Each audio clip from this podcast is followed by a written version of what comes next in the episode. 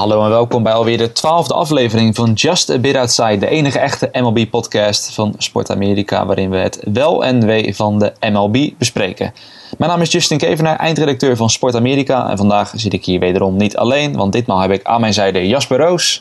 Hey. En Lionel Stute. Hoi. Ja, en dan beginnen natuurlijk zoals elke week met ons moment van de week. Jasper, ga ik dit keer bij jou beginnen. Wat is jouw moment van de week? Ja, ik, eh, ik kondigde vorige week aan dat ik uh, vooruitkeek naar de terugkomst, van, uh, de terugkomst van Chris Sale met de Boston Red Sox in Chicago. Op dinsdag zou die wedstrijd plaatsvinden. En het begon zo mooi, de serie op maandagavond, waar de White Sox heel verrassend met een, een minor leaguer op de heuvel die in moest vallen.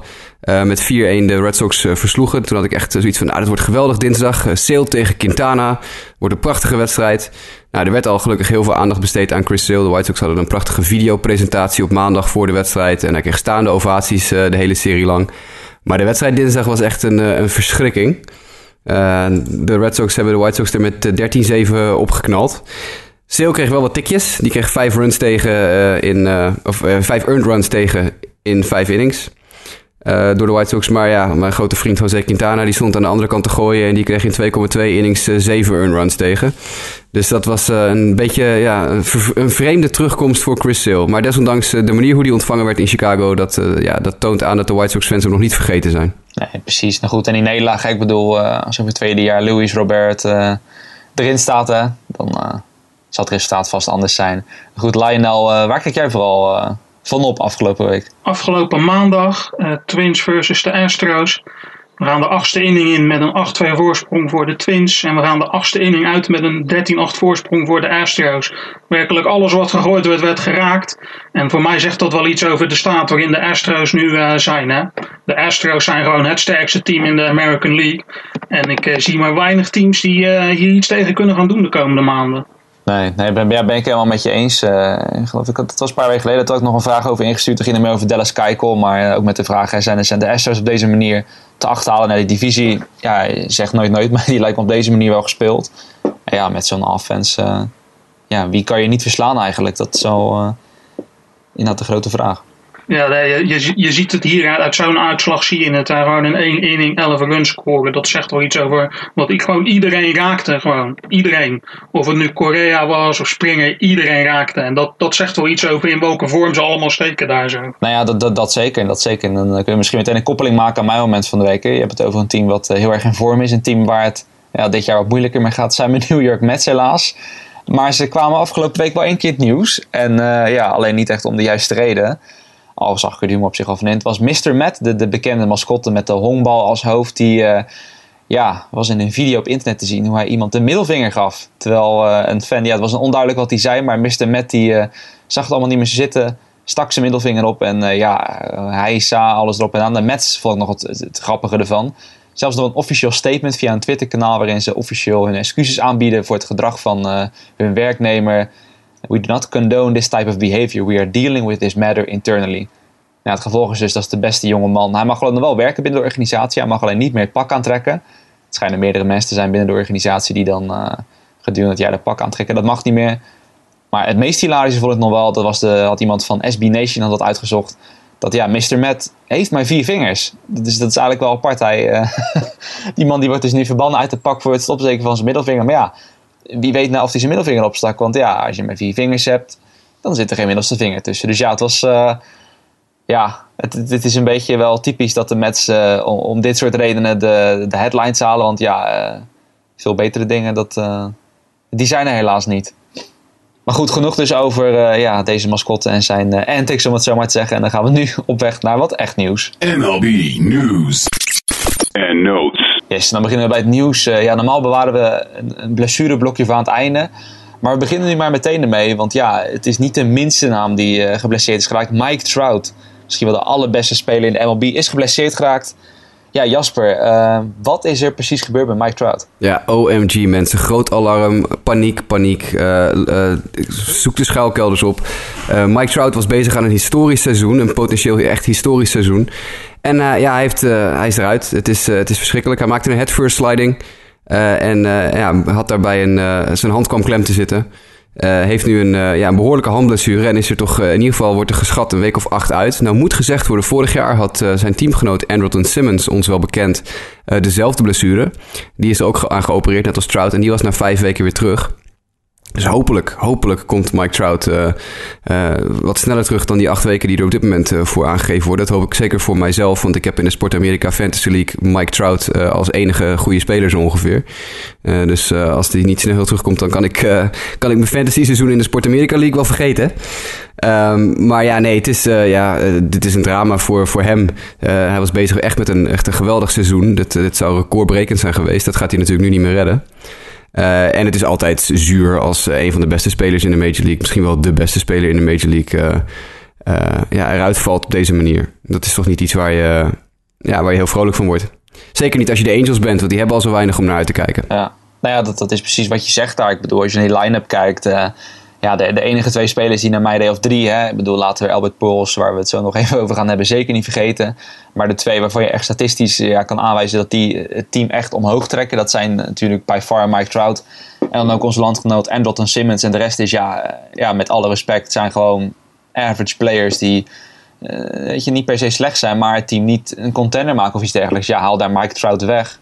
Ja, en wat blijft er dan over? Ja, bedoel, inderdaad, Andrelton Simmons en de rest. Ik bedoel, ja, werpend zijn ze, doen ze het ook niet heel slecht momenteel. Maar dat zit er nou ook niet echt namen in waarbij je van je stoel afvalt. Ja, het is, er zaten een beetje in die middenboot natuurlijk. Hè. Ze staan geloof ik op het moment dat we dit opnemen... één uh, wedstrijd uh, onder 500, zoals ze dat zeggen.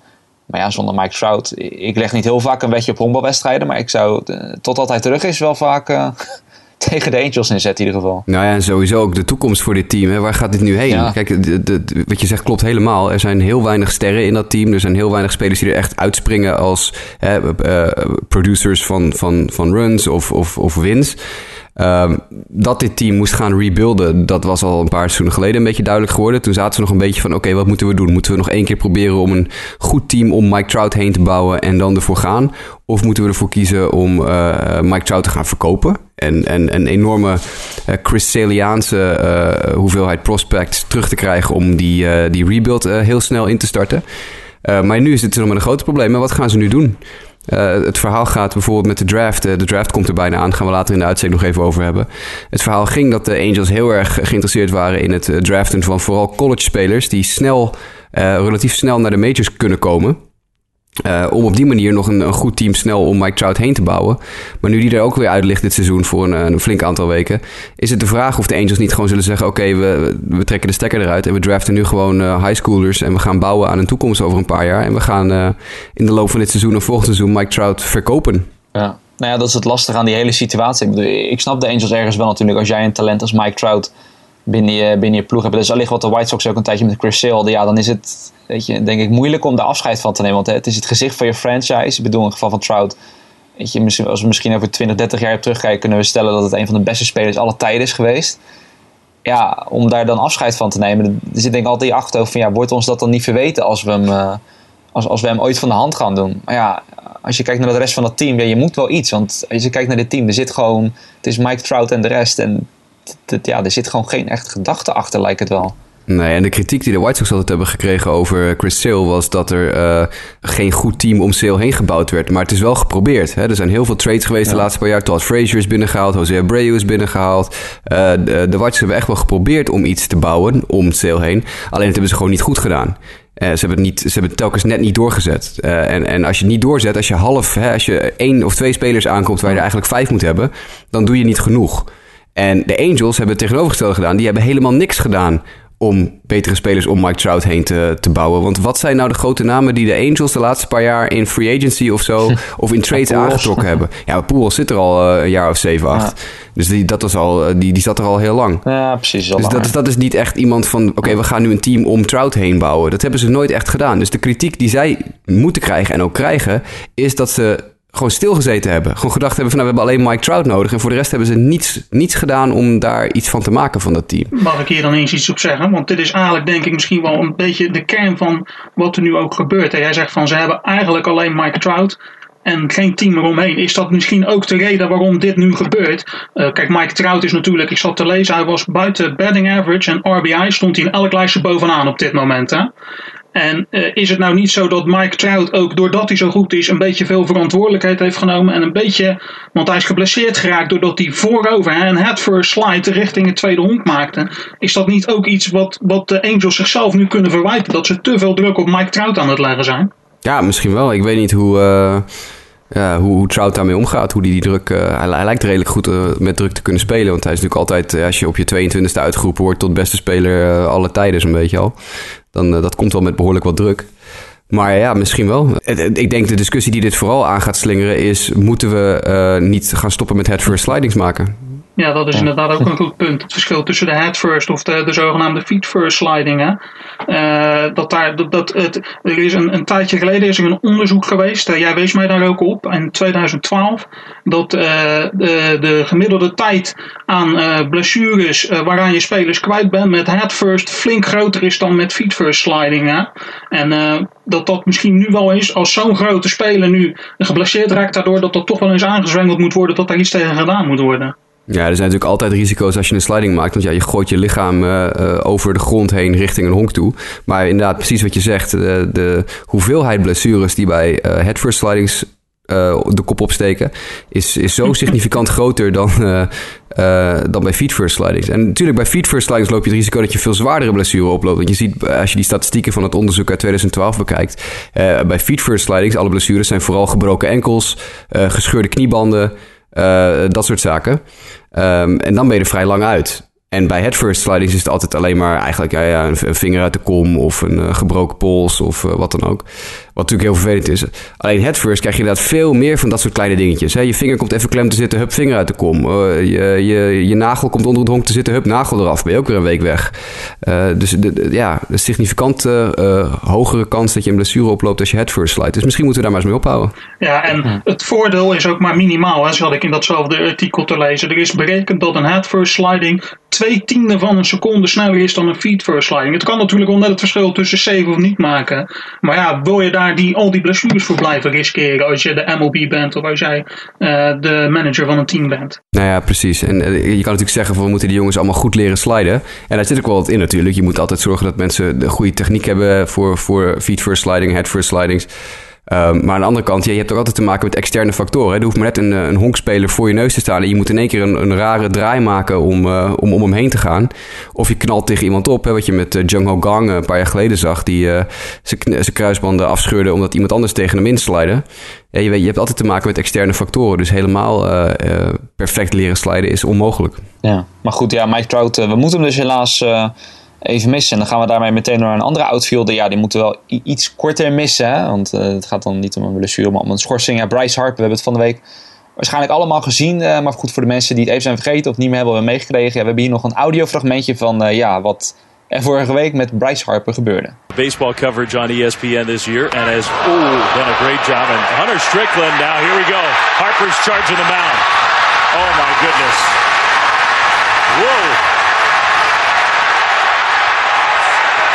Harper who hit two home runs against Hunter Strickland in the playoffs in 2014. Strickland drilled him with the first pitch, and Harper took it personally, and I don't blame him. And that was a real fight. Yeah. Those were punches thrown and punches landed. My goodness. Ja goed, ja, Bryce Harper dus in de clinch met Hunter Strickland. Uh, ja, Lionel, het was, was een wat uh, bizarre situatie hè? Ja, uh, Hunter Strickland werd natuurlijk min of meer aangevallen door Bryce Harper. Maar had daar natuurlijk zelf een hele grote rol in. Laten we daar wel gewoon duidelijk in zijn. Daarom dat zijn schorsing ook flink wat groter is. Maar de schorsing van Harper, die stond op vier wedstrijden. En daar is beroep tegen aangetekend. En die is nou teruggedrongen, teruggebracht naar drie wedstrijden. En ehm, dat is misschien wel opvallend. Hij is daardoor, het is nu zaterdag, als het goed is kan hij morgen zondag weer spelen. Dus tegen de tijd dat de luisteraars dit horen, heeft hij waarschijnlijk alweer zijn opwachting gemaakt. En dat is natuurlijk wel opvallend, want er wordt hier gezegd, er wordt hier uh, een, een schorsing teruggedrongen op basis van de hoogte van de schorsing van andere gevallen. Daar werd onder andere het geval tussen Manny Machado en Giordano Ventura van 2016 werd aangehaald. En daarin was een schorsing van vier wedstrijden voor Manny Machado. Wat ook best wel, uh, dat was een, een vuistslag. En dat, dat, ja, het, is niet heel goed te begrijpen waarom dit dan minder zwaar moet wegen dan een andere schorsing. En dat is, ja, iets wat de MLB zich misschien wel een beetje moet aanrekenen. Ik vind het ook heel opvallend dat uh, Harper gooide met zijn handschoen. En meestal als je materiaal naar een andere speler gooit, dan uh, is dat automatisch al vijf wedstrijden. Dus, en daarnaast sloeg Harper nog meerdere keren Strickland echt vol op zijn bak. Dus je zou zeggen dat daar dan minimaal een wedstrijdje of 8-9 moet voor gaan staan. Strickland kreeg maar zes wedstrijden. Die, die heeft ook beroep aangetekend, maar dat beroep loopt nog. Dus grote kans dat hij dat beroep laat vallen in de komende paar dagen, omdat hij toch al zes wedstrijden niet gespeeld heeft. Dus dan heeft hij al zogenaamd schorsing uitgediend. En dan zegt hij nou oké, ik ga niet meer in discussie erover. Ik vind het prima. Ik heb toch al zes wedstrijden niet gespeeld. Maar ja, Strickland die was overduidelijk natuurlijk de foute partij hier. Uh, dit hele situatie heeft te maken met dat drie jaar geleden in de playoffs Harper een homerun sloeg tegen Strickland. En Strickland vond dat Harper die homerun een beetje te veel pimpte toen. Drie jaar, drie jaar geleden hebben we het over, hè? Drie jaar geleden. Nou, intussen we zijn drie jaar verder. De Giants wonnen dat jaar bene de World Series. Dus die hadden niks, uh, verder geen problemen met Harper en, en de Nationals. En dan kom je drie jaar verder en dan staat Harper aan slag. En ja, of iedereen het voelt het een beetje aankomen, maar Strickland die kan heel hard gooien. Die gooit bijna 100 mijl per uur. Die, die parkeerde even een 98, 99 mijl per uur fastball uh, in de ribben bij Harper. Nou, voor iedereen was het meteen duidelijk waar dit over ging. Harper natuurlijk ook, die rent naar de heuvel, smijt zijn, uh, zijn handschoen richting uh, Strickland. En begint, of zijn helm was het geloof ik. Ja. aan, slag heb je geen handschoen aan natuurlijk. Um, gooit zijn helm naar, naar Strickland en, en ja, het ging los. En je zag ook heel opvallend dat van alle Giants spelers in het veld vrijwel niemand reageerde. Normaal gesproken zie je meteen natuurlijk hè, teamgenoten die moeten elkaar beschermen. Vaak is het al de catcher die er, als hij ziet dat een speler zijn werper aanvalt, dat de catcher er al tussen springt een beetje. Ja, uh, tijd in. Ja, veldspelers komen dan alle kanten vandaan rennen. Nou, uh, Buster Posey heeft niet bewogen, de catcher van de Giants. Die, heeft, uh, die is gewoon doodleuk. Je kan het zien op de, op de videofragmenten en in de foto's. Die staat gewoon op de thuisplaat een beetje te kijken terwijl Bryce Harper zijn werper in elkaar beukt. Brandon Crawford, de korte stop van de Giants, die was later bij de heuvel dan de. Dus die heeft ook uh, gewandeld. Want ja, die staat natuurlijk, uh, nou, pak een beetje een keer 10, 12 meter bij de werper vandaan. Maar uh, de bullpen-jongens die uit het links- en rechtsveld kwamen rennen, die waren er eerder dan Brandon Crawford. Dus die had ook absoluut geen haast. En het uh, inmiddels legendarische filmpje is ook wel vast door mensen gezien dat uh, uh, Madison Baumgartner, die stond boven aan de trap in de dugout en die draait zich om liep de, de kleedkamer in. Nou heeft dat wel een iets ander verhaal, want Baumgartner zit op de DL. En als je op de DL zit en je komt het veld op, dan word je sowieso al geschorst. Dus die zal waarschijnlijk gedacht hebben, ik, ik smeer hem even en ik neem geen risico. Maar heel opvallend dat de Giants-spelers eigenlijk totaal geen interesse hadden om, om Hunter Strickland te beschermen. Nee, nee geeft, geeft denk ik wel aan hoe zij er zelf in stonden. Dat zij het misschien ja, ik weet dan niet hoe dat precies in het veld gaat, maar dat ze het ook wel aanvoelden komen en echt zoiets hadden van ja, gast, serieus. Moet dit nou? Weet je, misschien hebben ze het van tevoren ook wel besproken. Ik weet niet hoe dat is gegaan, maar dat ze ook zeiden van joh, weet je, dat hij het er misschien in de kleedkamer over had. Dat ze zeiden joh, laat gaan, uh, dat, uh, dat boeit niet meer. En dat hij ja, dan toch de verleiding niet kon weerstaan om het even te doen. Weet je, zoiets zou ik dan aan denken. Maar ik weet niet hoe dat dan gaat in zo'n kleedkamer, maar het is wel heel opvallend hè. Ja, nee, wat het ook is, uh, dat, dat moment waar het om gaat uit 2014 is eigenlijk gewoon een beetje Bryce Harper being Bryce Harper. Ja, hij slaat die home run en hij rond te honken en hij, ja, hij heeft een beetje praatjes en dat is het. Kijk, en drie jaar geleden kon je daar nog wel een punt van maken, maar we hebben dit nu inmiddels zo vaak dit soort dingen van hem gezien. Eigenlijk denk ik dat gewoon de rest van de MLB denkt van ja, laat maar gaan, weet je wel. En dat dan zo'n Strickland daar toch alsnog op terugkomt. Misschien dat inderdaad wat je zegt, dat zijn teamgenoten echt zoiets hadden van ja, wat moeten we hier nou eigenlijk mee? Ja, nou ja, dat lijkt me inderdaad wel, wel de meest uh, aannemelijke reden inderdaad. En uh, goed, in ieder geval uiteindelijk, de, ik bedoel voor de Nationals, hè, ik bedoel, uh, het natuurlijk van, van beide kanten een beetje jammer. Maar goed, de Nationals die staan flink bovenaan. De, de Giants gaan een stuk minder. Dus hè, misschien is het ook wel wat frustratie ergens bij, bij Strickland toen met zijn team gaat. Maar goed, dat dat ter, terzijde. Want ja. Het, is gewoon een redneck, jongen, die, die Strickland. Ik weet niet of je hem gezien hebt. Het is een ongelofelijke redneck. Ja, dat is wel een hot take. Dus, uh, ja, nou kom op zeg. Het is, uh, het is echt een, echt een flapdrol. Uh, goede werper hoor. Ik bedoel, ja. lekker, lekker echt een hardballer. Maar nee, dat, dat slaat helemaal nergens op wat hij allemaal liep te doen. Nee, precies. Nou goed, dan zei ik het al wel even kort. Dan gaan we meteen door. Giants gaat niet zo goed mee. Een ander team, ja, ja, die het niet even slecht doen, zou ik willen zeggen. Maar waar het toch wel veel minder mee gaat dan we dachten, zijn de Cubs. Hè? Van de week uh, een series tegen de Padres. Daar werden ze door gesweep notabene. Nou, de San Diego Padres weet iedere volger van de MLB wel... behoren nou niet tot de meest getalenteerde teams van dit moment. Ja, daar werden ze gewoon door gesweept. En dat betekent ook dat ze voor het eerst onder Joe Madden zes keer op hebben verloren. Ja, Jasper, is het echt tijd nu om in paniek te raken voor de defending champions? Ja, ik zeg ja. Ik ben, ik ben de eerste die het zegt. Want volgens mij roept ze in Chicago nog heel hard van... nee, nee, geen paniek, geen paniek, komt allemaal wel goed. Nee, het is 1 juni geweest. Uh, ja, de Cubs moeten zeker, zeker in paniek gaan raken. En uh, gelukkig heeft uh, Fangraphs inmiddels ook er wat aandacht aan besteed. Dave Cameron van Fangraphs die heeft 1 juni een artikel geschreven... What's wrong with the Cubs? Nou, hij loopt eventjes precies langs wat is het probleem...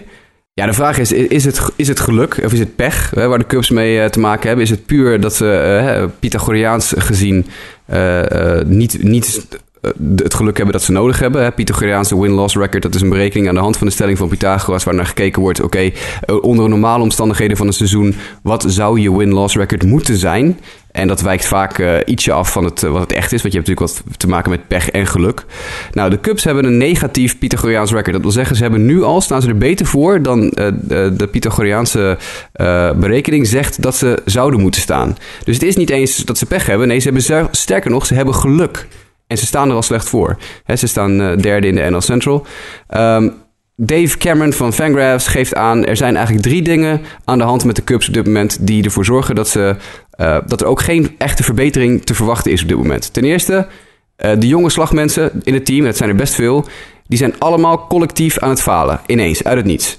Uh, Addison Russell, de korte stop, is uh, nou, niet, niet, gewoon niet zo goed als vorig jaar. Vorig jaar, tweede helft van het seizoen, was hij, uh, leek een doorbraak eraan te komen. Nou, dat is verre van. hij is gewoon niet, niet goed bezig. Tuurlijk, hij is pas 23, dus er is nog tijd genoeg. Maar op dit moment is hij niet uh, op een manier bezig waar je uh, indruk, van, uh, moet zijn.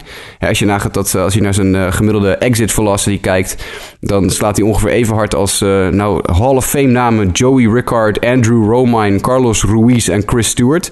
Dus het zijn niet dat hij echt in een heel erg geweldig gezelschap verkeert. Daarnaast Kyle Schwarber, die echt een dramatisch seizoen doormaakt. Echt, het is dus, ja, ik heb een tijdje in mijn fantasy team gehad. Ik heb hem afgelopen week gewoon voor, voor bijna niks verkocht, want ik wilde er gewoon vanaf zijn.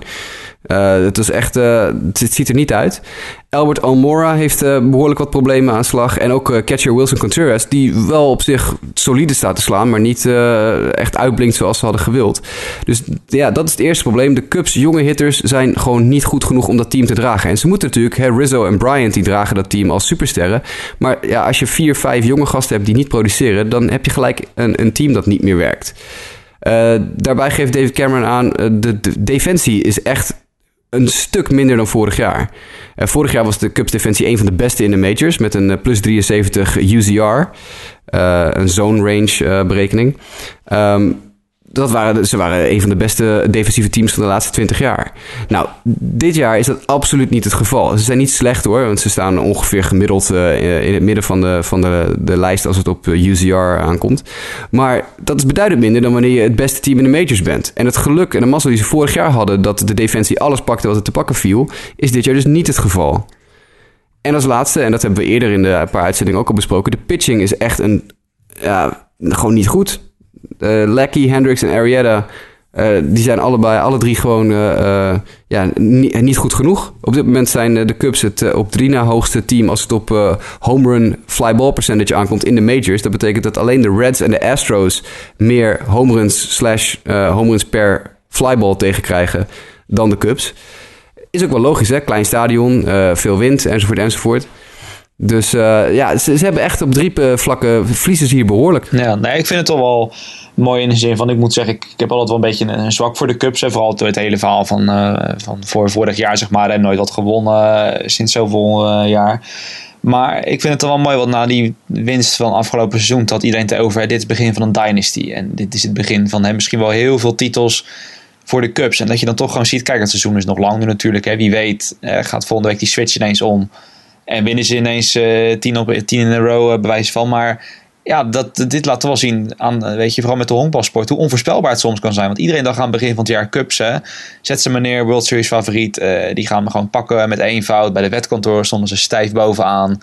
Dat je echt helemaal niet zoveel ervoor terugkreeg als je op de cups inzet als World Series winnaar. Ja, dan zie je toch dat ze kwetsbaar zijn. Ik denk wat jij aangeeft, ja, vooral die jonge gasten. Ik denk dat dat misschien ook wel ergens wel logisch is. Hè? Want ik bedoel, vooral jonge spelers. Hè? Dat gaat met ups en downs. En dat gaat af en toe wat minder, dan wel beter. En ja, nu zitten ze allemaal, en dat is dan het pech voor de Cubs inderdaad, allemaal net een beetje in de fase dat even een beetje tegen zit. En dan uh, ja, ben ik in ieder geval heel erg benieuwd ja, of dat nog rechtgetrokken uh, wordt. Jij hebt er dus in ieder geval niet zoveel vertrouwen in. ja, ik, ik weet niet. Ik denk ergens dat ze misschien binnen die divisie er wel kunnen redden. Maar ja, ik weet niet. Inderdaad, maar World Series favoriet, dat zeker niet meer. Nee, ze zullen een, een aankoop moeten doen, denk ik. Hè? Er wordt binnen de Cubs fanwereld heel erg geschreeuwd om Chris Archer van de Tampa Bay Rays, die te koop is die zou wel een versterking zijn voor, uh, voor die Cubs rotation. Ik denk dat, ze, ja, dat het tijd is dat ze een, een iets meer ervaring binnenhalen. Ze hebben natuurlijk eigenlijk alleen ja, Zobrist en Rizzo. Nou, Zobrist inderdaad, ja. Uh, en dat is eigenlijk een beetje het enige aan ervaring. Uh, kijk, Chris Bryant is natuurlijk ook nog een hele jonge gast. En die is gelukkig wat minder geraakt door de, oh. door de slump waar zijn collega jonge uh, ballers in zitten. maar misschien dat ze daarom ook een beetje ja, kwijt zijn geraakt. Dat jonge spelers soms wel eens even een mindere periode hebben. Hè? Bryant is zo goed zo jong en zo goed al. En zo constant. Ja, dus ze zouden bijna vergeten dat soms uh, ja, zijn er ook jonge jongens die dat niet volhouden. Nou ja, wat, wat, wat ik mij afvraag is, omdat het zoveel jonge jongens zijn. Want ook, ik weet nog, aan het begin van het seizoen hebben wij het hierover gehad. Dat als jij op dit moment een, een, eh, een Cubs prospect bent, dat je dan net zo goed hamburgers kan gaan verkopen. Maar ook bijvoorbeeld een Ian Happ, die eigenlijk al iets meer gespeeld heeft dan dat men vorige, vooraf had gedacht. Die doet het eigenlijk ook helemaal niet zo goed. Dus ik vraag me dan af, als nou al die jonge jongens, of Brian na dan misschien, het allemaal tegelijk hebben, is er dan misschien iets meer aan de hand? Is er iets waardoor de jonge jongens zich niet zo goed thuis voelen in dit team? Ik weet het niet, maar het is wel iets wat je wat je, je zou moeten afvragen natuurlijk. Nou, het is ook de Cubs hype natuurlijk. Hè? Dat zie je bij Ian Happ. Ik vind het heel goed dat je Ian Happ even aanhaalt. want uh, als, uh, uh, toen ik me in de prospect systeem van de Cubs verdiepte... Ian Happ was echt wel een gast waar ik zo dacht... nou, dat, dat zie ik wel zitten. De hele goede minor league nummers. power hitter, tweede honk slash outfield. Ook een leuke combinatie. Ook een positie tweede honk waar je niet heel veel power van krijgt. En dan wordt Ian Happ opgeroepen een paar weken geleden. En zijn eerste week is fantastisch. Uh, sloeg meerdere home runs in zijn eerste week. En meteen is daar de Cubs hype helemaal ten volste binnen. Weet je wel? Het is allemaal, oh, Ian Happ is the next big thing. En het moet helemaal, uh, uh, alles en iedereen is helemaal lyrisch enthousiast over die gast. en inmiddels inderdaad slaat hij geen deuk in een pakje boter alweer drie weken. ik geloof hij in de laatste 14 dagen een slaggemiddelde van 0,87 heeft of zo. Dat slaat echt helemaal niks. Maar die heeft dan wel weer die Cubs hype die meteen met je meekomt als je als ja, Cubs speler, als Cubs prospect naar de majors gehaald wordt. Ja. ja, en anderzijds, je had het over meer ervaring. Denk je dat misschien een jongen als Dexter Fowler, die ze vorig jaar nog hadden, die, die was vorig jaar 30 jaar geloof ik, dat dat dan ook net, ik bedoel niet dat Dexter Fowler de uh, alles bepalende speler was binnen de kust, maar dat zo'n jongen dan toch uh, met zijn ervaring en met zijn persoonlijkheid misschien dan toch ja, voor iets extra's kan zorgen binnen zijn team. Nou, Dexter Fowler hebben we een paar weken geleden uh, besproken in de uitzending uh, vanwege het gebrek aan een lead-off hitter van nou de Cubs. Dat, dat, ja. de Cubs. De Cubs hebben geen lead-off hitter. Die moeten nu echt serieus aan de slag om een, een goede lead-off man te vinden. En Dexter Fowler had natuurlijk die rol inderdaad. Plus zijn ervaring, plus uh, zijn leiderschap in dat team. Ik denk dat dat een van de grootste fouten is geweest die de Cubs afgelopen seizoen gemaakt hebben. Ja. Ja, maar goed, ja, nou ja je, Cubs fans, jullie horen tussen. is reden voor paniek. Dus uh, ja, benieuwd of ze inderdaad wat. Uh, het lijkt me haast wel zeker dat ze wat gaan doen richting de trade deadline. Als het zo nog steeds staat. Maar in ieder geval benieuwd wat, wat ze dan gaan doen. Nou goed, de Angels, we hadden het er net al over. We hadden het over Mike Trout. Gaan we nu even naar een andere, ja, toch wel nog steeds bepaalde speler kunnen we zeggen. Hij is misschien niet meer van het niveau als vroeger, maar nog steeds wel belangrijk. Albert Pujols, want ja, die, die gaat zo langzamerhand. De echte fans zullen het wel een beetje mee hebben gekregen het moment dat we dit opnemen, gaat hij richting een historische, ja, historisch lijstje, kunnen we wel zeggen, Lionel. Uh, maar hij stond niet helemaal. Maar ja, jij verbaast hier vooral erover dat er niet misschien zoveel aandacht rond is als dat er normaal misschien bij andere dingen zou zijn. Nou ja, als we het over Albert Pujols hebben, dan laten we eerst even zeggen waar het om gaat. Hè. Hij staat op het punt, op dit moment is nu zaterdagmiddag zoals we al zeiden, hij staat op het punt zijn 600ste career home run te slaan. Hè. En um, voor Pujols zijn er acht spelers geweest die dit eerder hebben gedaan. 600 home runs is gewoon geen klein aantal. Dit is echt iets bijzonders. En als je dan kijkt naar uh, de aandacht die de laatste tijd naar allerlei andere mijlpalen, mijlpalen is uitgegaan. Uh, denk aan Ichiro's 3000ste hit vorig jaar. dan, dan valt het op dat er eigenlijk helemaal nog niet zoveel aandacht voor is. Misschien komt dat nog op het moment dat hij die 600ste slaat. En doet hij dat morgenavond, zondag en op maandag op het moment dat iedereen dit hoort. Denkt iedereen van joh, waar heb je het over? Maar in de aanloop naartoe in ieder geval valt het mij wel duidelijk op. Dat hij niet zoveel aandacht heeft gekregen voor wat hij eigenlijk presteert. Hè?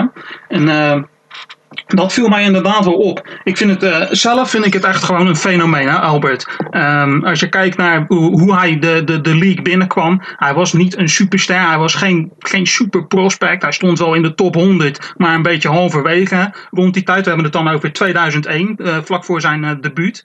Maar sindsdien heeft hij eigenlijk maar twee jaren gehad waarin hij niet tenminste 30 home runs sloeg. En daardoor is hij nu dus ook op dit punt gekomen. En als je kijkt naar het lijstje van spelers waar hij zich nu nu gaat mengen, dan hebben we het over Babe Ruth, Hank Aaron, Willie Mays, uh, Jim Thome, Ken Griffey Jr., Barry Bonds, Sammy Sosa en uh, recentelijk ook uh, Alex Rodriguez. Nou, dat is geen, geen klein lijstje lijkt mij. Dus in dat opzicht denk ik dat er wel echt, echt een, een, een, een wat, wat meer aandacht voor had mogen zijn.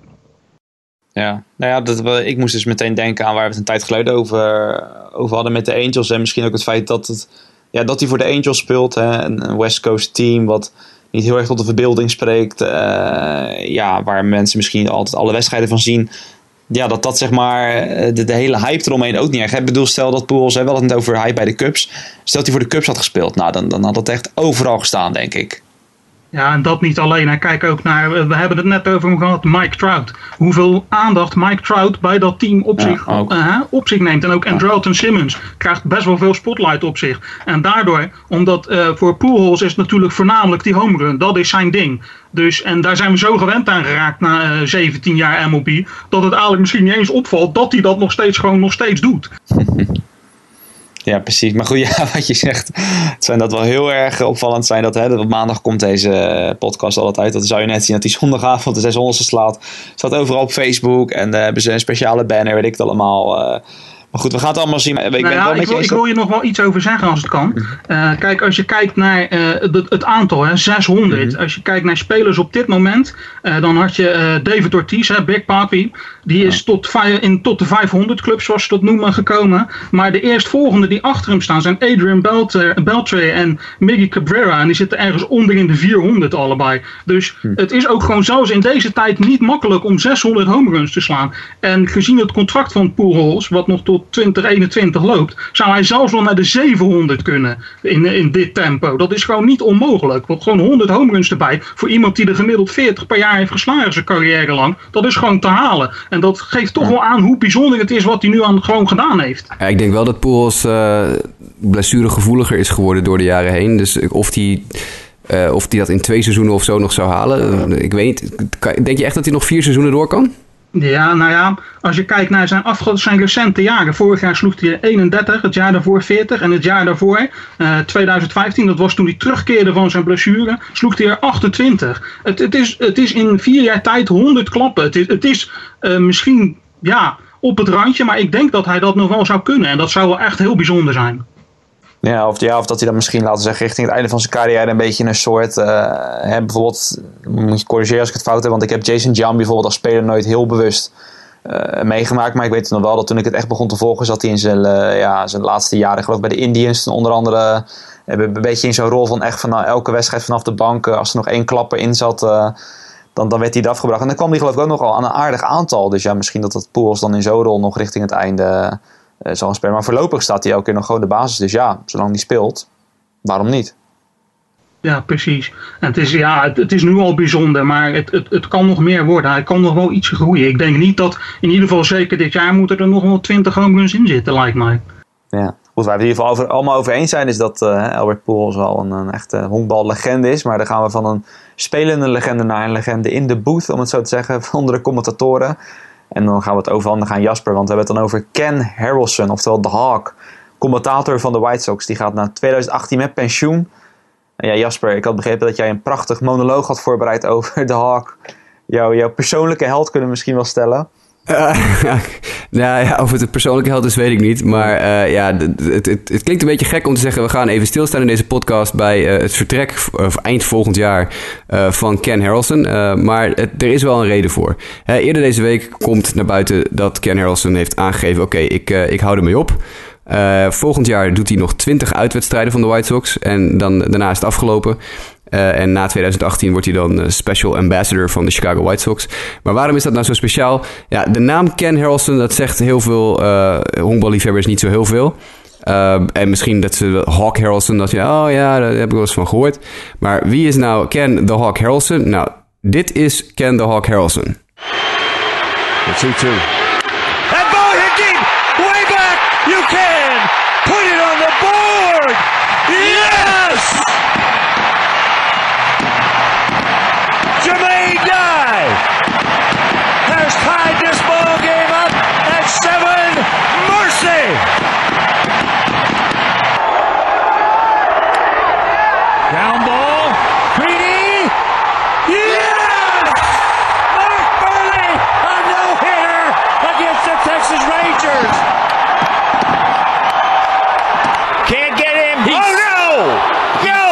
Was safe at first. No! No! And another blown call by Hernandez. Oh. oh, what are you doing? He threw him out of the ball game. You gotta be raping me. What in the hell are you doing? What are you doing, Wagner? You gotta be kidding me. Here's an umpire in the American League knows nothing about the game of baseball. Line drive. Call your sons, call your daughters, call your friends, call your neighbors. Mark Burley has a perfect game going to the ninth. He gone. One to go. Alexei. Yes! Yes! Yes! Yes! Yes! History! Ja, dat is Ken Hawk Harrelson. En ja, iedere honkballer kent deze uitdrukkingen. Iedere honkballer heeft wel eens gehoord van you can put it on the board, yes. Uh, iedereen heeft wel eens gehoord van he gone. Uh, Hawk Harrelson is een absolute broadcast legende.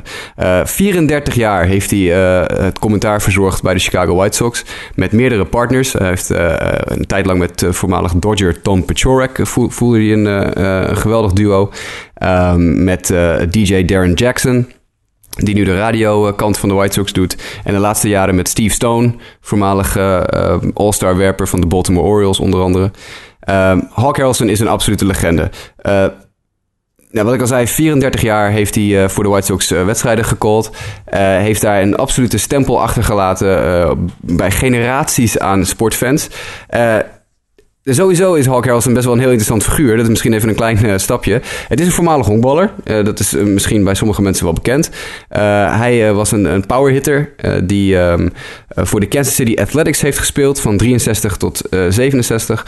voor de Washington Senators, voor de Boston Red Sox een paar jaar en voor de Cleveland Indians. Hij heeft dus nooit voor de White Sox gespeeld, maar heeft daar wel verreweg het meeste carrière versleten. Negen seizoenen heeft Harrelson gehongbald. Uh, was een 239 carrière hitter met 131 home runs en 421 RBI's in 900 wedstrijden. Daarna is uh, Hawk uh, gestopt met honkballen en is hij professioneel golfer geworden. Hij heeft de British Open nog gespeeld in 1972.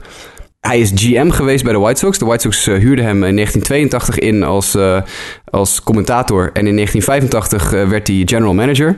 daar heeft hij zijn allergrootste fout ooit gemaakt. Dat vertelt hij ook heel regelmatig. hij heeft namelijk op een gegeven moment Tony La Russa, die toen manager was van de White Sox, ontslagen. Met het idee van, nou, Tony La Russa kan, kan absoluut niet een goede manager worden voor ons team. Uh, niet heel lang daarna tekende uh, bij de Oakland Athletics. en uh, ja, de rest is geschiedenis, zoals we maar zullen zeggen. La Russa is uitgegroeid tot een van de allerbeste managers in de geschiedenis van het honkbal. Nou, na één seizoen als GM heeft Hawk Harrelson dus gezegd... nou, dit is misschien niet, niet voor mij. dus hij heeft vrij snel de boel ja, weer laten zitten voor wat het was. En is toen weer broadcaster geworden. Heeft dat jarenlang gedaan en gaat nu stoppen. En dat is uh, aan de ene kant heel zonde. Aan de andere kant uh, heeft hij ook wel een... Uh, ja, de laatste paar jaar waren als White Sox fan niet altijd even prettig om Hawk Harrelson te moeten aanhoren. Want hij is dusdanig fan van het team waar hij voor werkt. Dat ja, op het moment dat de White Sox aan het verliezen waren... dan kon je ook merken, dan begon Hawk ook steeds minder te zeggen.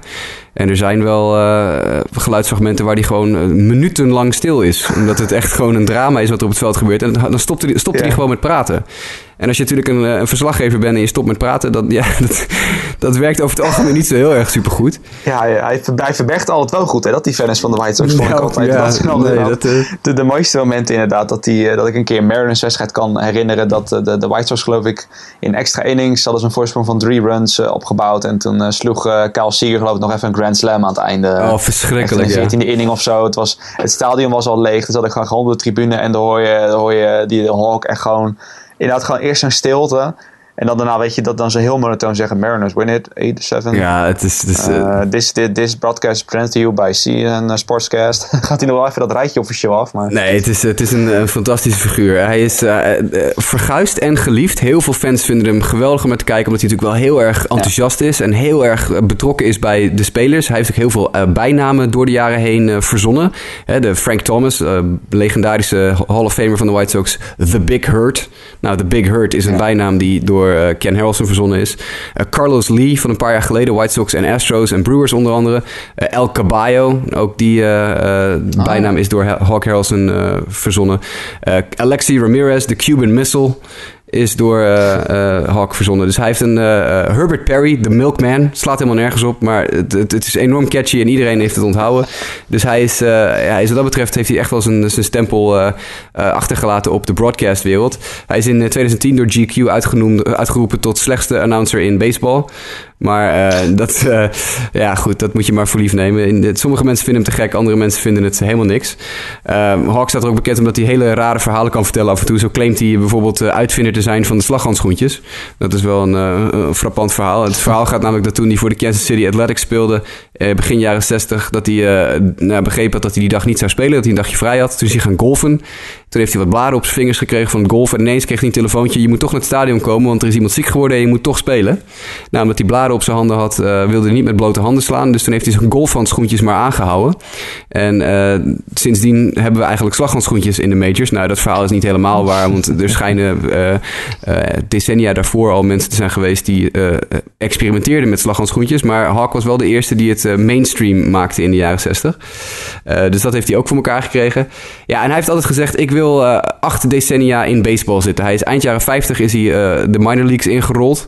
En hij wilde dus eh, ja, acht decennia in de honkbalwereld zijn. Dus vandaar dat hij eind 2018 stopt. En, en in 2019 nog één jaar een ceremoniële positie bij de White Sox neemt. En dan heeft hij zijn 80 jaar, zijn acht, zijn acht decennia, niet zijn 80 jaar, maar zijn acht decennia in baseball rond. En na het verlies van eh, eh, Vince Scully vorig jaar, die met pensioen is gegaan, is uh, Hawk eigenlijk, uh, ja, denk ik wel de bekendste broadcaster die er nu mee stopt.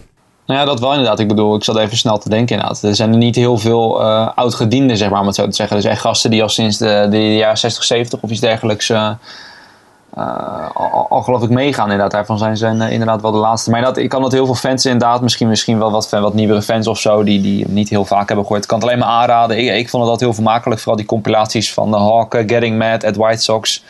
Uh, compilaties ja, ja. waar je wat, ja, misschien voor de White Sox fans zou ik het niet doen. er komen de nodige blunders en pijnlijke momenten voorbij. Maar de manier ja, waarop Hawk reageert, dat is echt eh, heel vermakelijk, moet ik zeggen. Dus zeker even doen als je tijd hebt. Zeker even op YouTube opzoeken, ze staan overal. Um, nou ja, we hadden het eigenlijk net, we gaan een beetje buiten de bocht. We hebben het altijd over, hè? we zeggen altijd aan het begin van de show, we gaan het wel en wee van de MLB bespreken. we maken toch even een uitstapje over de grenzen. Nou, daar hebben we Lionel altijd voor. Hè? We gaan namelijk richting Japan. Want ja, ik, ik zelf volg de Japanse competitie niet, uh, moet ik zeggen. Maar ik lees hier Takahiro Norimoto van de Rakuten Golden Eagles. Die heeft een record verbroken, double-digit strikeout record. Wat eerst op naam stond van wellicht de wel bekende bij de fans, Hideo Nomo. Uh, ja, Lionel, is dit een jongen die we eventueel in MLB gaan zien de komende jaren, denk je? Uh, nou ja, laten we beginnen met wat hij nu eigenlijk gepresteerd heeft. Hij heeft uh, zeven duels op rij, heeft hij minimaal tien strikeouts op zijn naam gezet. Hè? achterin volgens 10, 10, 12, 12, 12, 10 en weer 12. En daarmee brak hij een record wat al sinds begin jaren 90 stond, inderdaad op naam van Nomo. Um, nou, de laatste jaren hebben natuurlijk flink wat, wat goede pitchers vanuit Japan naar Amerika zien komen. Uh, Masahiro Tanaka, uh, Kenta Maeda, uh, noem ze maar op. En deze jongen is in, in Japan in ieder geval op dat niveau aan het pitchen. En dan is de vraag natuurlijk, komt hij naar Amerika en wat kan hij daar doen? Wat mij vooral opvalt is dat de pitchers die gehyped worden vanuit de NPB in de MLB toch een klein beetje tegenvallen. Dus de vraag is van, is hij iemand die dat kan gaan doorbreken als hij komt? Ja, nou, het is inderdaad terecht wat je aangaf, want we hadden het voorafgaand aan de show dat we even over. Uh, Taal Jasper ook terecht aan, zijn dat wel de nodige namen geweest als je, als je het rijtje afgaat van uh, je, Japanse werpers dan met name.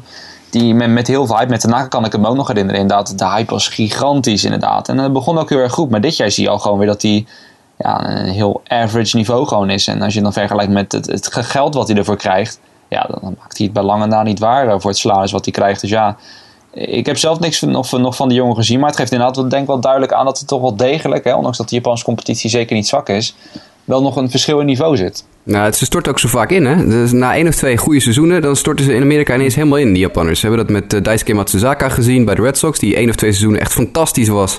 En daarna ineens weg is. Um, Hugh Darvish, een paar seizoenen fantastisch bij de Rangers. En dan één of twee blessures en plop, hij is weg. Nou, hij is nu weer op de weg terug gelukkig, dus dat is dan wel weer prettig. Uh, Tanaka, eerste paar seizoenen hartstikke goed. Dit seizoen brandhout. Uh, er lijkt een, een hele beperkte houdbaarheidsdatum voor Japanners in de Major League te zijn. Voor Japanse pitchers in de Major League te zijn. Nou, het opvallende is, iemand die het dan wel doet, goed deed, was natuurlijk Nomo. Hè? Een beetje de peetvader van uh, de, ja. de, moderne Japanse golf in, in de MLB. En Nomo hield het wel gewoon tussen 95 en 2005 en later nog eventjes in 2008 wel gewoon goed vol. En als hij nu, hij breekt nu zijn record. Stel dat hij van dat niveau is, dan zou hij natuurlijk wel wat kunnen laten zien. Maar je weet het op dit moment gewoon niet. Juist omdat precies wat je zegt, dat hele lijstje aan pitches, wat gewoon heel sterk start en dan gewoon flink terugvalt. Het is moeilijk, moeilijk te zeggen wat zo'n jongen dan echt precies kan. Ja. Ja, nou, ik vind het ook wel eigenlijk interessant. En waar zou het dan door komen? Is het inderdaad niveauverschil? Is het uh, hè, die, die, die gekke verhalen die je altijd hoort uit Japan van hè, werpers die al op hele jonge leeftijd gewoon echt totaal uitgeput worden omdat ze, wat is het, uh, 800 keer moeten gooien in, in een week tijd of iets dergelijks? Is het gewoon dat het, ja, dat, hè, om het wel even simpel te zeggen, trucje dat ze hebben of zo, dat heel snel gewoon ontdekt wordt door uh, Major League hitters? Ja, ik weet niet, waar denken jullie waar het aan zou kunnen liggen? Ja, ik vind dat heel moeilijk te zeggen. Ik, ik, ja, kijk naar bijvoorbeeld zo'n Tanaka. Tanaka had echt, echt wapens. Hè? En er is gewoon niks van over. Het lijkt wel alsof gewoon het tempo in de Major League zoveel hoger ligt dat ze, dat ze gewoon uh, opgebrand raken. Dat het gewoon te snel voor ze gaat. Dat, dat, dat komt het eerst in mij op als ik naar zulke oh. jongens kijk. Nou, nou ja, het is wel wel interessant inderdaad om, uh, om, om te zien. Maar goed, ja, met die Norimoto, het... Uh, ik weet niet, zeg maar, stel dat hij naar de MLB komt. Ik weet niet of je dat ook had uitgezocht. Maar wanneer zou hij dan ongeveer kunnen komen, ongeveer, denk je? Dat, dat weet ik niet precies. Ik weet niet precies hoe zijn contract in elkaar zit. Ik weet in ieder geval dat er op dit moment geen sprake van is. Dus er zullen ja, nog precies. een paar jaartjes op zijn contract zitten. Maar er komt natuurlijk, hij is nog ook nog best wel jong. Dus er komt een moment dat dat, dat in ieder geval te sprake gaat komen. Zoals wat we op het moment natuurlijk heel erg met Shohei Otani hebben. Hij heeft in 2016 heeft hij een driejarige verlenging getekend. Dus hij is nog tot 2019 onder contract bij de Rakuten Eagles. Ja, precies, precies. En er staat hier wel op uh, internet dat hij inderdaad uh, uh, gepost wordt na dat seizoen. Dus oh. hij, in 2019, na 2019 is hij beschikbaar en heeft hij ook aangegeven dat hij naar Amerika wil. Nou, dat valt misschien mooi in het rijtje voor als de White Sox dan eindelijk contenders zijn. Dan, hè?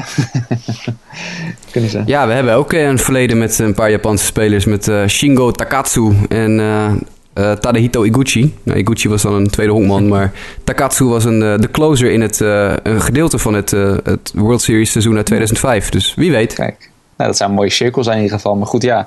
Record is gebroken door Norimoto in Japan. En nou van de records naar Japan gaan we weer terug naar de VS. Een andere werper. En nou ja, Clayton Kershaw die haalde ook een mijlpaal, hè Jasper. Uh, want ja, welke mijlpaal haalde hij precies? 2000 strikeouts. Hey, 2000 ching, ching. carrière strikeouts voor Clayton Kershaw. Dat is, uh, ja, dat is echt een uh, stevig record. En zeker als je ziet hoe relatief jong hij nog is en hoe, hoe snel hij bij die 2000 strikeouts aangekomen is. Jonathan VR was het slachtoffer voor de mensen die van triviant vragen houden. Dus Jonathan VR van de Milwaukee Brewers was de 2000ste strikeout voor Clayton Kershaw. Um, ja, geweldige werper. Uh, in dezelfde wedstrijd kreeg hij ook, ook tegelijkertijd de langste home run uh, tegen die hij ooit tegen heeft gekregen uh, in de StatCast-era. Dus zolang als wij dat bijhouden, of MLB dat bijhoudt, heeft hij nooit een langere home run tegen, een verdere home run tegen gekregen dan Domingo Santana's home run in diezelfde wedstrijd. Maar ik denk dat we vooral even moeten terugdenken aan de 2000 strikeouts. Want ja, misschien wel de beste werper die wij in onze relatief korte honkballeven gezien hebben, denk ik. Ja, voor deze generatie ja. wel. Ik heb natuurlijk, ja. ik kijk iets langer honkbal dan jullie, dus ik heb ook uh, jongens zoals Randy Johnson en dergelijke nog gezien, maar ja, daar kan hij zich wel mee meten. Zien, Laat ik dat wel even duidelijk stellen. Daar kan hij zich zeker mee meten met zulke jongens. Ja, nou ja, goed, en dan kan ik misschien namens die, die, die jongere honkbalkijkers spreken die het, uh, laten zeggen, binnen nu in de laatste uh, 6, 7, 8 jaar uh, zijn of, of zelfs korter ja, als je nu kijkt, als je inderdaad aan mij niet zo vragen, de meest dominante werpen in het honkbal. Van, laten we zeggen, nu de laatste 5, 8, 8 jaar. Ja, zonder meer Kershaw. Ik bedoel, daar kan je denk ik lang of kort uh, over discussiëren. Er was een tijd dat ik even hoopte dat Matt Harvey het zou worden. Maar dat is helaas uh, niet waar geworden. Ik bedoel, de enige bij wie ik het nog een beetje is Chris Sale bij tijd en wijle. Echt iemand die echt gewoon angst inboezemt als je er tegen, tegenover staat. Uh, maar zoals met Kershaw, ja, er staat, er staat geen maat op. Nee, het is grappig dat het enige overeenkomst eigenlijk tussen Kershaw en Sales dat ze linkshandig zijn. Maar uh, uh, Sales fastball is harder dan die van Kershaw. En Kershaw gooit vooral een, uh, een hele erg nasty curve om, om, om, werpers of om slagmensen met drie slag naar de kant te sturen. Terwijl Sale vooral op zijn change-up en zijn slider leunt. Dus het zijn wat dat betreft ook nog eigenlijk heel erg verschillende werpers. Maar ze zijn allebei ongelooflijk dominant. Ja, nee, dat zeker. En het gelukkig voor de Dodgers is, want dan gaan we meteen door naar, naar de volgende. Uh, ja, is dat Kershaw niet de enige dominante werper is. Uh, misschien qua, starting pitchers, uh, dat hebben we misschien wel. Maar Kenley Jansen zit er natuurlijk ook. Ja, en we hadden het een tijdje geleden hadden het al over gehad. Hij is al vaker voorbij gekomen. Hij is gewoon een geweldige reeks bezig als closer, Lionel. en ja, het blijft maar doorgaan, hè? Ongelooflijk. Het is, uh, hij heeft een, een all-time record gezet. Nota bene in dezelfde wedstrijd als waarin uh, Clayton Kershaw zijn 2000ste strikeout gooit. Moet je je voorstellen dat jij daar de tegenstander in bent. En dat je dan eerst die 2000ste strikeout van Kershaw om je oren krijgt. En daarna krijg je Kenley Jansen die uh, een record breekt aan strikeouts zonder vier wijd, vier wijd vanaf het begin van het seizoen. Het oude record stond op 35. Hij ging naar 36, ging vervolgens door naar 37, 38 en 39. Uh, ja, uh, als jij dit tegen je krijgt als team, dan uh, kan je het wel schudden. Het is, uh, het is ongelooflijk. En ook in die specifieke wedstrijd tegen de, de, de Dodgers, of de Brewers tegen de Dodgers, sorry. als je daar de strikeouts bij elkaar optelt van die twee teams, kom je tot 42. Dat is natuurlijk een ongelooflijk aantal. Hè? Dat is een aardig aantal, ja. Ja, het slaat echt helemaal nergens op. Het, het was 12 innings, 26 Milwaukee strikeouts, 16 Dodgers strikeouts. dat ja, de strikeouts groeiden even aan de boom. Ja, maar inderdaad ook wat je zegt, dat je dan en Kershaw tegen je krijgt. En dan weet je dat uiteindelijk aan het einde van de wedstrijd, als ze voorstaan, dat dan Jensen en, nog volgt. In dit geval is het geloof ik extra innings, hè, dat, uh, dat, dat, dat Jensen denkt, maar ja, dat, dat, dat is gewoon bijna oneerlijk. dat je daar tegenover moet staan. Dat is, dat is zonder meer waar. Nee, goed, hebben we bijna het hele rijtje met nieuws hebben we dan gehad. We hebben nog een ander Lionel, daar mag jij dan mee, mee afsluiten. Want ja, we hadden eerst Manny Machado is stuk, maar ja, vandaag heeft hij toch wel wat geslagen. Dus we maken ervan Manny Machado was stuk. Want ja, het ging wel even wat minder met ja, de sterspeler van de Orioles. Hè? Ja, begin van de week ging het even niet lekker. Hè? Een, een streak van 0 uit 18 met uh, 10 strikeouts om zo horen. Dat is, natuurlijk, dat is natuurlijk niet wat we van Manny Machado kennen. Ik heb aan het begin van het seizoen gezegd dat ik uitga van een, een grote vier in de MLB. Als we het over position spelers hebben. Over Trout, Harper, Bryant en Machado. Dat zijn voor mij vier jongens die, uh, die even sterk zijn. En daar word ik nog wel eens om uitgelachen dat ik Machado daarbij reken. De meeste mensen vinden hem daar net iets onder. Maar ja, misschien hebben ze toch wel een beetje een punt. Hè? Want het, het, het, ging even niet lekker. Inmiddels heeft hij inderdaad wel weer zijn, zijn knuppel tegen de bal gekregen. Maar uh, het was toch wel even opvallend. En de vraag is dan natuurlijk, waar ligt het aan? Hè? Er steken ook ineens wat, uh, wat, uh, wat geruchten op. Omdat we natuurlijk langzaam maar zeker naar het einde van zijn contract gaan. En dan wordt er gespeculeerd van wat gaat hij doen? Wat gaat hij doen? En misschien dat dat wel in zijn hoofd gaat zitten. Ik weet niet of, of dat een reden kan zijn. Maar het, het was in ieder geval even niet best. Nee, ja goed. Nee, en Machado normaal gesproken is die natuurlijk, uh, die draagt dat team hè, bij de Orioles. En de Orioles spelen nog steeds best goed. Ze, ze, krijgen best wel productie van alle kanten. Maar moet je nagaan wat ze hadden kunnen doen als Machado een beetje in vorm was. Zijn slaggemiddelde kelderde deze week echt met 30 punten bijna. Inderdaad, met die, die 0 18 streak. Maar vooral ook inderdaad al die whiffs, al die swings en misses van hem. Dat is echt, uh, dat, dat betekent dat hij niet goed in zijn vel zit. Dat, uh, dat gaat niet helemaal lekker. Ja. ja, goed. En verder, je noemde dat rijtje op. Maar ja, ik, ik weet niet. Ik zou denk niet lachen dat je Machado erin zet. Want inderdaad op zijn best is Machado ook gewoon een geweldige speler. Ook nog eens de defensief, die highlight uh, plays die hij af en toe heeft. Uh, ja, dat, dat, is gewoon fenomenaal. Dus ik hoop in ieder geval, en ik vind de Warriors ook altijd een heel sympathiek team in, die, uh, in de AL East, dat hij snel weer op weet te pikken. En dat we het volgende keer over hem kunnen hebben in positieve zin. Maar goed, ja, dat waren een beetje alle nieuwtjes dan van afgelopen week. En dan gaan we nu naar een segment toe, want ja, iets anders wat eraan komt is de MLB Draft we hebben het eh, eerder al een beetje over gehad, uh, over de draft. Hè. Bijvoorbeeld een Pujols die laat werd gedraft. Ja, er zitten altijd heel wat sterspelers die mogelijk dan gaan komen. En daar gaan we nu even kort naar kijken.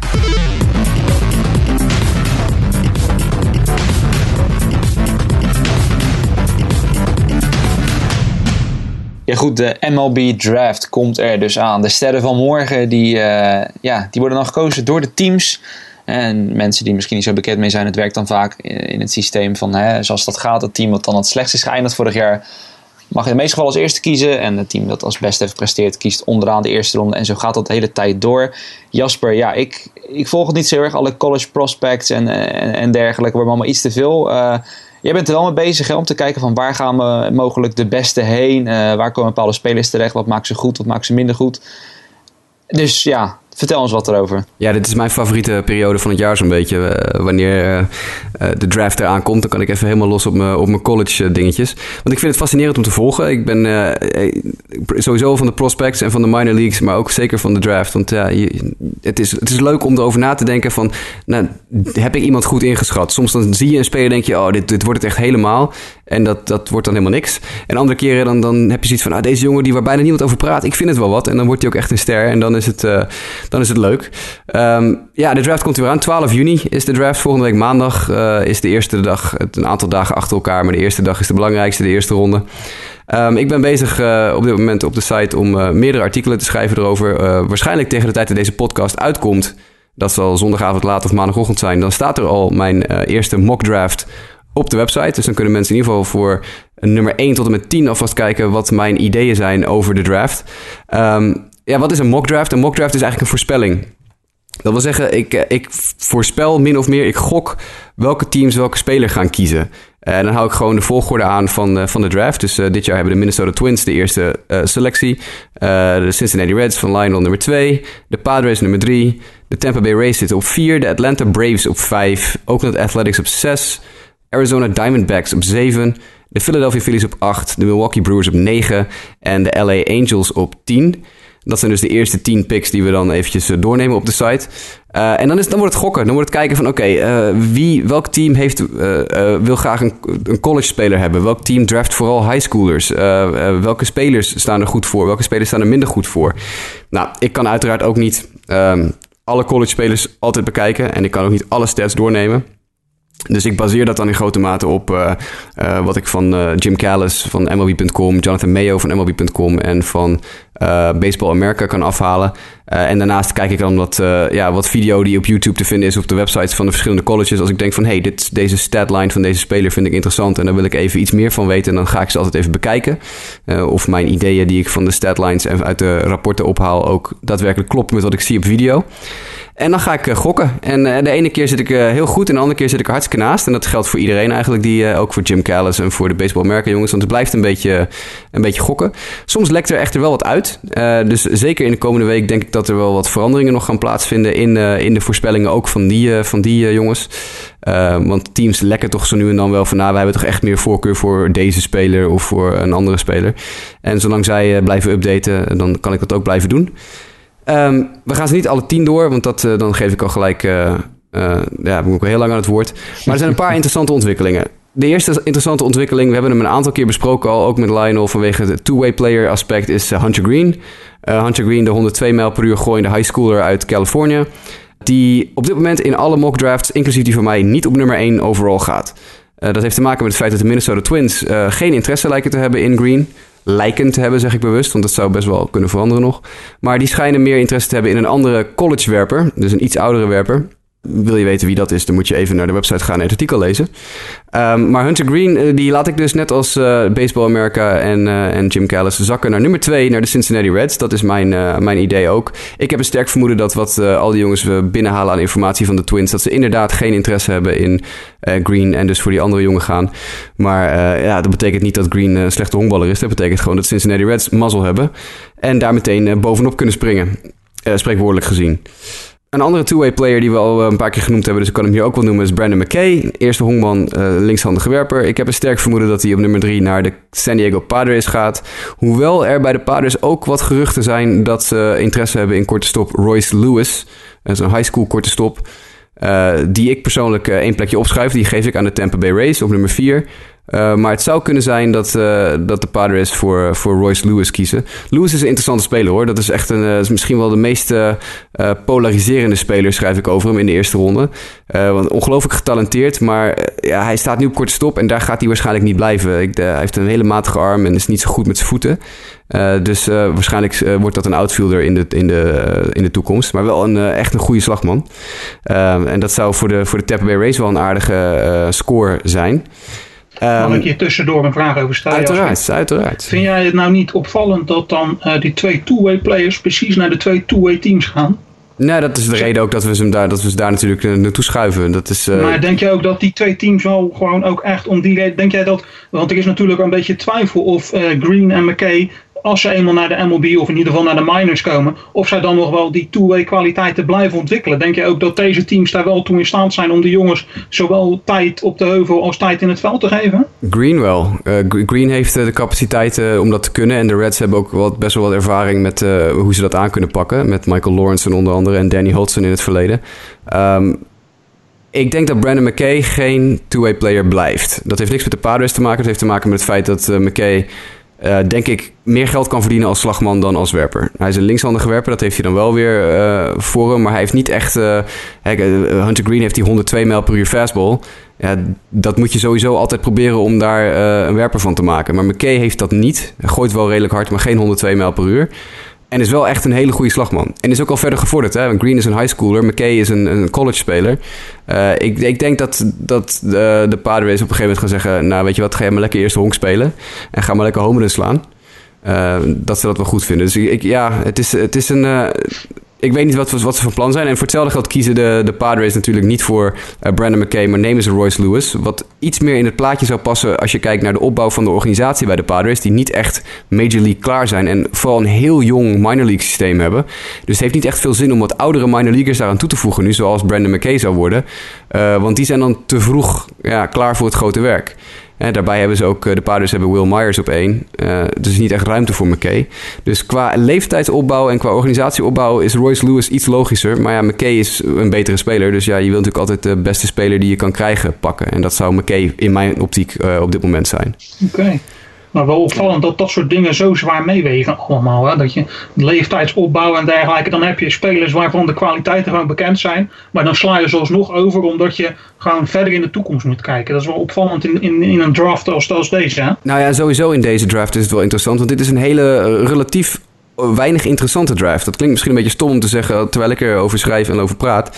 Uh, maar je hebt, soms heb je van die drafts dat je echt gewoon vijf of tien spelers zijn die er bovenuit springen. Dat je zeker weet van nou, dit is de top 10. De precieze volgorde weet je dan niet, maar je weet wel ongeveer deze jongens gaan allemaal in de top 10. Hè, vorig jaar schreef ik de hele draft preview uh, voor de draft, vlak voor, uh, vlak voor de draft.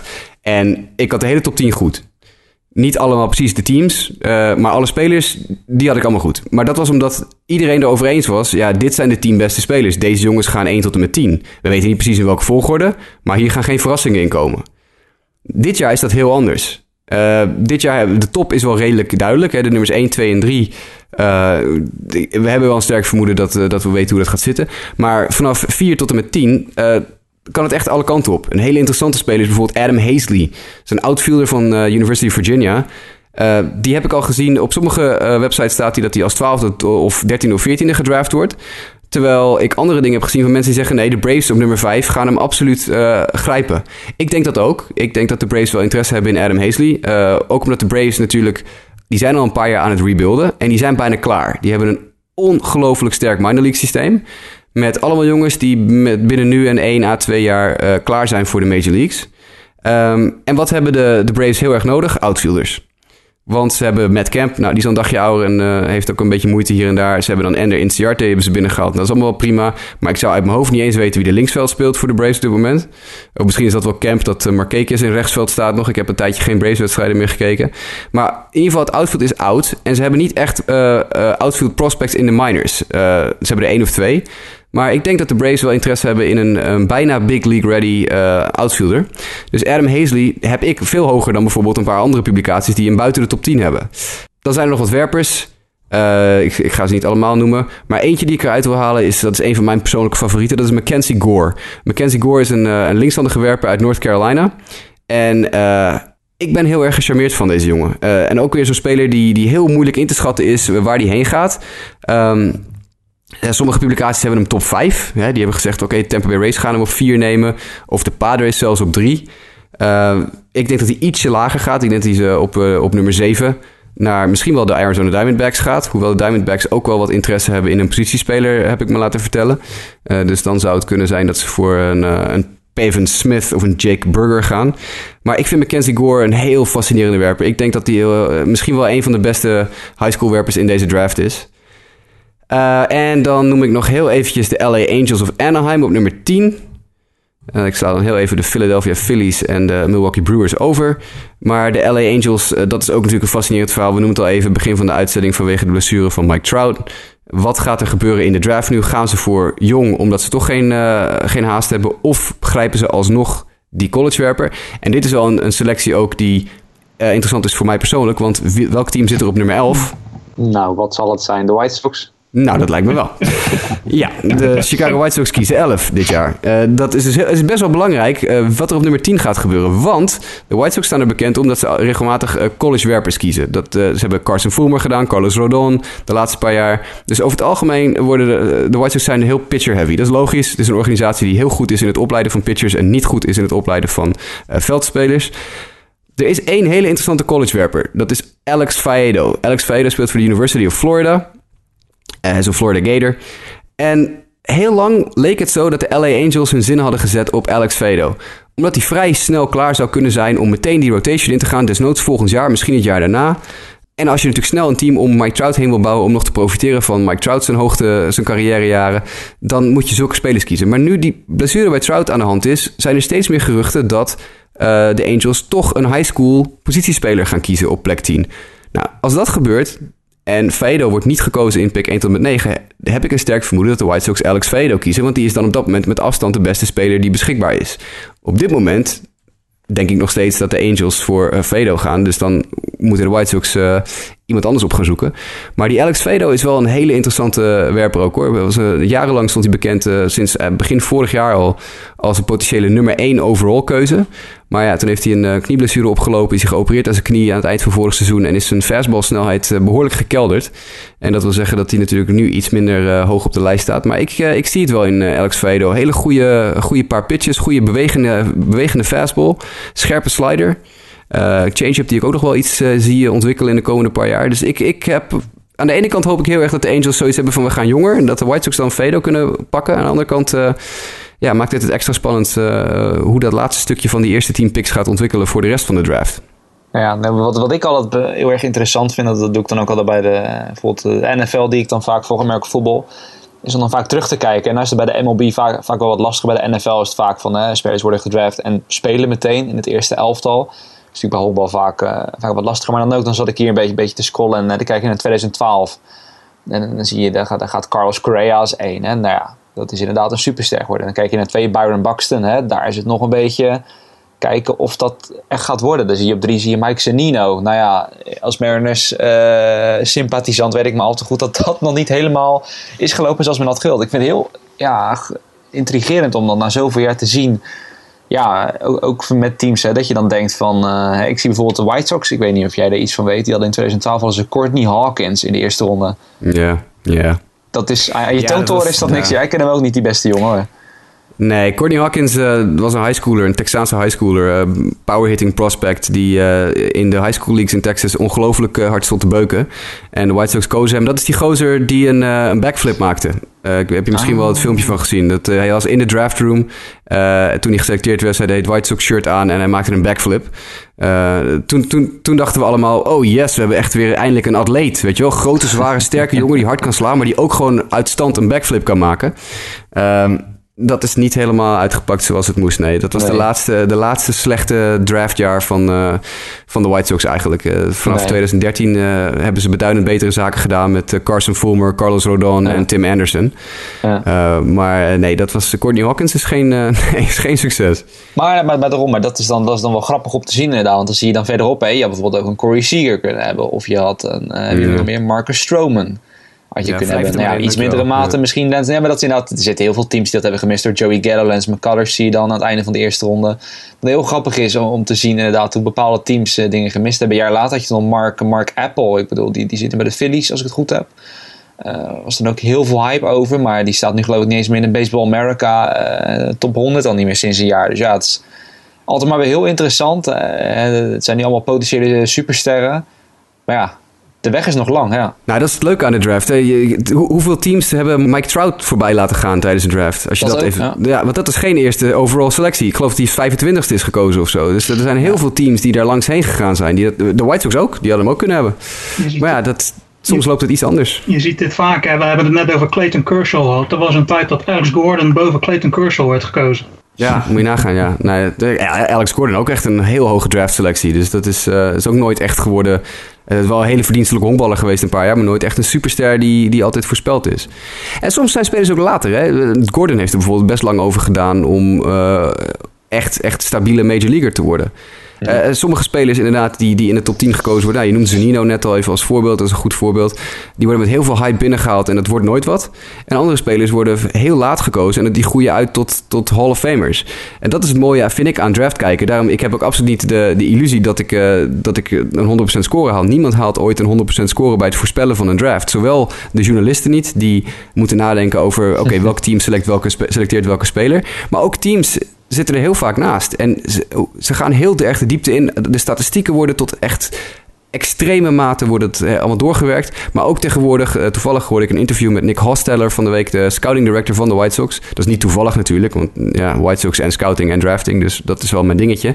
Maar die vertelde ook dat, eh, dat ze tegenwoordig een deep dive doen in alle social media. Dat doen ze in de NFL al een tijdje. Ja. Maar ook, ook de honkbalteams gaan nu steeds meer eh, de Twitter-accounts, de Instagram-accounts van spelers. Want ze willen weten wat voor soort type jongen ben jij eigenlijk. Eh, en ze, eh Hosteller had het er ook over dat hij al veel zaken heeft gedaan met NFL scouting, scouting directors. Maar dat hij nu ook met NBA en ijshockey scouting directors gaat praten om te kijken hoe zij talenten evalueren. Het, het is natuurlijk, het blijft koffiedik kijken. Het blijft een beetje gokken van gaat deze speler uitgroeien tot het supertalent dat wij denken dat hij is. Ehm, maar je moet er ook vanuit gaan, als je eh, 20 spelers draft, twee daarvan gaan de Major League halen, de andere 18 niet. Maar het is belangrijk hoe goed die twee zijn die de Major League halen eh, Ja. als je ze gedraft hebt. Je, je, kan, je kan het je niet permitteren om in de draft een paar keer, zoals de LA Angels nu de laatste paar jaar eh, bijvoorbeeld, echt de ene na de andere bust hebben gedraft in de, in de MLB draft. Dat kan je je gewoon niet veroorloven. De White Sox hadden een stretch ook, om die nog maar even af te zeiken. Dat was voordat Nick Hosteller aangesteld was als eh, scouting director, de vorige lichting scouting directors echt aan de lopende band bust. Ja, ik ga ze niet opnoemen, want het zijn namen die je niks zeggen. Maar eh, Courtney Hawkins was er wel een die je net noemde. Maar Keenan Walker, eh, dat soort figuren. Nooit meer wat van gehoord. Niemand heeft er ooit meer van gehoord. En sindsdien kunnen White Sox fans ook de term toolsy outfielder niet meer horen. Want de ene na de andere first round pick werd een toolsy outfielder. En dat, dat ging helemaal nergens naar. En dan zie je hoe ontzettend dat je je organisatie kan verkloten als je dat niet goed aanpakt. Maar dat is inderdaad de, de, de kern toch inderdaad van, van de draft. Inderdaad. Het is niet alleen dat je go- goede spelers oppikt die uiteindelijk op de lange termijn voor jouw ploeg van waarde kunnen zijn. Maar denk ook hè, aan ammunitie voor trades bijvoorbeeld. Ik bedoel, eh, als jij als team gewoon heel veel goede talenten in je leagues hebt en ze doen het daar ook gewoon goed. En je bent in de positie dat je een team hebt wat net eh, een belangrijke veteraan nodig heeft. Ja, als jij een heel goed farm system hebt, kan alleen maar helpen. Dan kan je net die, die trade binnenhalen. Maar ja, andere- aan de andere kant van het verhaal, dan zit je in een situatie als de Angels, waar je en het team niet hebt en eigenlijk niet de ammunitie hebt om iets te doen eigenlijk. Dus ja, het is inderdaad, eh, het, is wat je zegt, het blijft natuurlijk gigantisch lastig, want er komen zoveel factoren bij kijken of een speler het wel of niet altijd, ook het mentale aspect natuurlijk, of, of, of je het aan kan, want ik bedoel, dat was dan het laatste wat ik ervan nog tegenkwam, ook gewoon eh, in 2013 dan namen de Astros als eerste Mark Apple ontwerpen en daarna ging Chris Bryant naar de Cubs. Nou ja, had je voor moeten stellen dat de Astros nu ook nog eens Chris Bryant in hun selectie nou, dat had echt dat had gigantisch geweest. Maar goed, die hebben verder wel gewoon hè, de, de middel van goed draften en gewoon het opbouwen van een team alsnog wel gewoon een team weten te bouwen dat zo'n misser niet fataal is geworden of zo. Bedoel, Ze staan gewoon nu waar ze staan. En ja, ook zonder Chris Bryant. Oké, met Chris Bryant was het een stuk beter geworden. Maar ook omdat ze hem niet hebben gekozen, ze zijn er niet heel veel slecht van geworden. Nee, en dat is, Ja. het is on- ongelooflijk interessant om inderdaad terug te kijken in die drafts wat er met dat soort spelers gebeurd is. Maar het is natuurlijk ook de reden dat de Astros zo vaak hoog gedraft hebben, die meerdere nummer 1 picks Dat achter ja. elkaar hadden, is omdat het een totaal futiel team was wat helemaal niets won ooit. Echt, die Ja. hebben tien jaar lang niks gewonnen zo ongeveer. Ja, nu plukken ze daar de vruchten van. Maar het heeft ze wel inderdaad de ene naar de andere first round pick eh, opgeleverd. En eerder wie eerder toekomst. Je kan niet heel erg misgaan met een eerste overall pick. Het, een enkele keer gebeurt het wel eens. Maar Ja. meestal, meestal eh, eh, ja, hit je wel op, op een first round player. Maar ja, bijvoorbeeld in 2014 de Astros niet. Hè? Brady Aiken werd toen gedraft. Maar die bleek een armblessure te hebben die hij verzwegen had. Dus toen hebben de Astros hebben, hem geen contract aangeboden. En dan krijg je compensatie in het jaar daarna. Dus die hebben het jaar daarna weer eh, iets anders mogen kiezen in ruil voor Brady Aiken. Maar als je kijkt naar die 2014 draft, heb je Brady Aiken op 1. Die is nu eh, een, een minor league pitcher bij de Indians. Tyler Kolek op 2 bij de Marlins. Zwaar geblesseerd en lang niet meer zo gehyped als hij toen was. Nick Gordon van de Twins op 5. Totaal niet meer interessante prospect. Alex Jackson van de Mariners toen, inmiddels naar de Braves getrade. En daar gaat hij nu eindelijk een beetje slaan. Nou, dan krijg je op 7, 8, 9 en 10 een heel mooi rijtje. Aaron Nola van de Phillies, Kyle Freeland van de Rockies en Jeff Hoffman van de Blue Jays. Uh, toen Blue Jays, inmiddels uh, Rockies volgens mij. Uh, en op 10 Michael Conforto naar de Mets.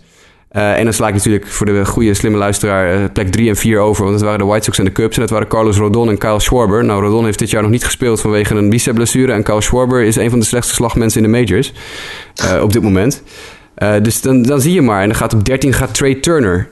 die we allemaal wel eens oh, in ons team zouden willen hebben. Ik kan me deze, deze draft nog goed herinneren. Hoe ver die bovenste drie die jij noemt toen in, in, in, inderdaad in de, de, de pre-draft hype, zeg maar, ja. hoe ver die top 3 boven de rest ja, uitstak. Ja. En als je dan hoort wat er nu allemaal onder zit en wat er met die top 3 daadwerkelijk is gebeurd, dat zegt wel heel veel natuurlijk. Bradley Zimmer op 21 uh, naar, de, naar de Indians, die nu ook in de Major League speelt.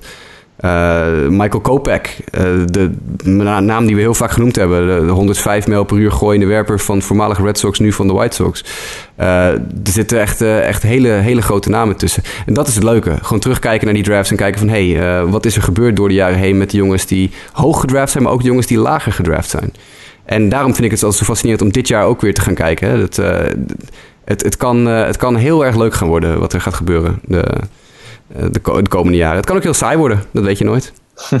2015 ja, was bijvoorbeeld een hele saaie draft, eigenlijk. Dansby Swanson slaat geen deuk in een pakje boter. Alex Bregman doet het best wel aardig. Nou, Brandon Rogers zit nog laag in de minors. Dylan Tate zijn we vergeten. Kyle Tucker is nog heel jong. Tyler J zijn we vergeten. Andrew Benintendi op 7. Oké, dat is dan wel lekker. Carson Fulmer op 8. Oké, Ian Happ op 9. Prima. Cornelius Randolph op 10. Geen idee wie het überhaupt is. Uh, Tyler Stevenson oh, naar de Reds. Uh, Lionel, Tyler Stevenson, gaan we daar nog iets van horen? Ja, dat werd wel heel lang. Tot verleden jaar stond hij nog wel steeds in die top 10. Had je, want dan had je natuurlijk Robert en Tyler Stevenson ja. had je staan. Weet je, en dat was eigenlijk ook het enige wat het interessant maakte van wie is nou wie. Maar of het nou nog echt, want hij is wel heel hard gevallen het afgelopen jaar. Dus of het nog wat gaat worden, ik vraag het ja, nog. precies. En dan ga ik zitten scrollen en scrollen en scrollen. En echt de eerste interessante naam van iemand van wie ik denk van nou, je bent echt wel, hebt de potentie en je hebt in ieder geval laten zien dat je het een beetje aan kan. Uh, dan moet ik helemaal naar nummer 24. Naar Walker Bueller van de LA Dodgers. En dan komen er daarna komen nog wel een paar achter hoor. Uh, Michael Soroka van de, van de Braves onder andere. Maar het is echt voor de rest helemaal niks. En dat is fascinerend, ja. vind ik.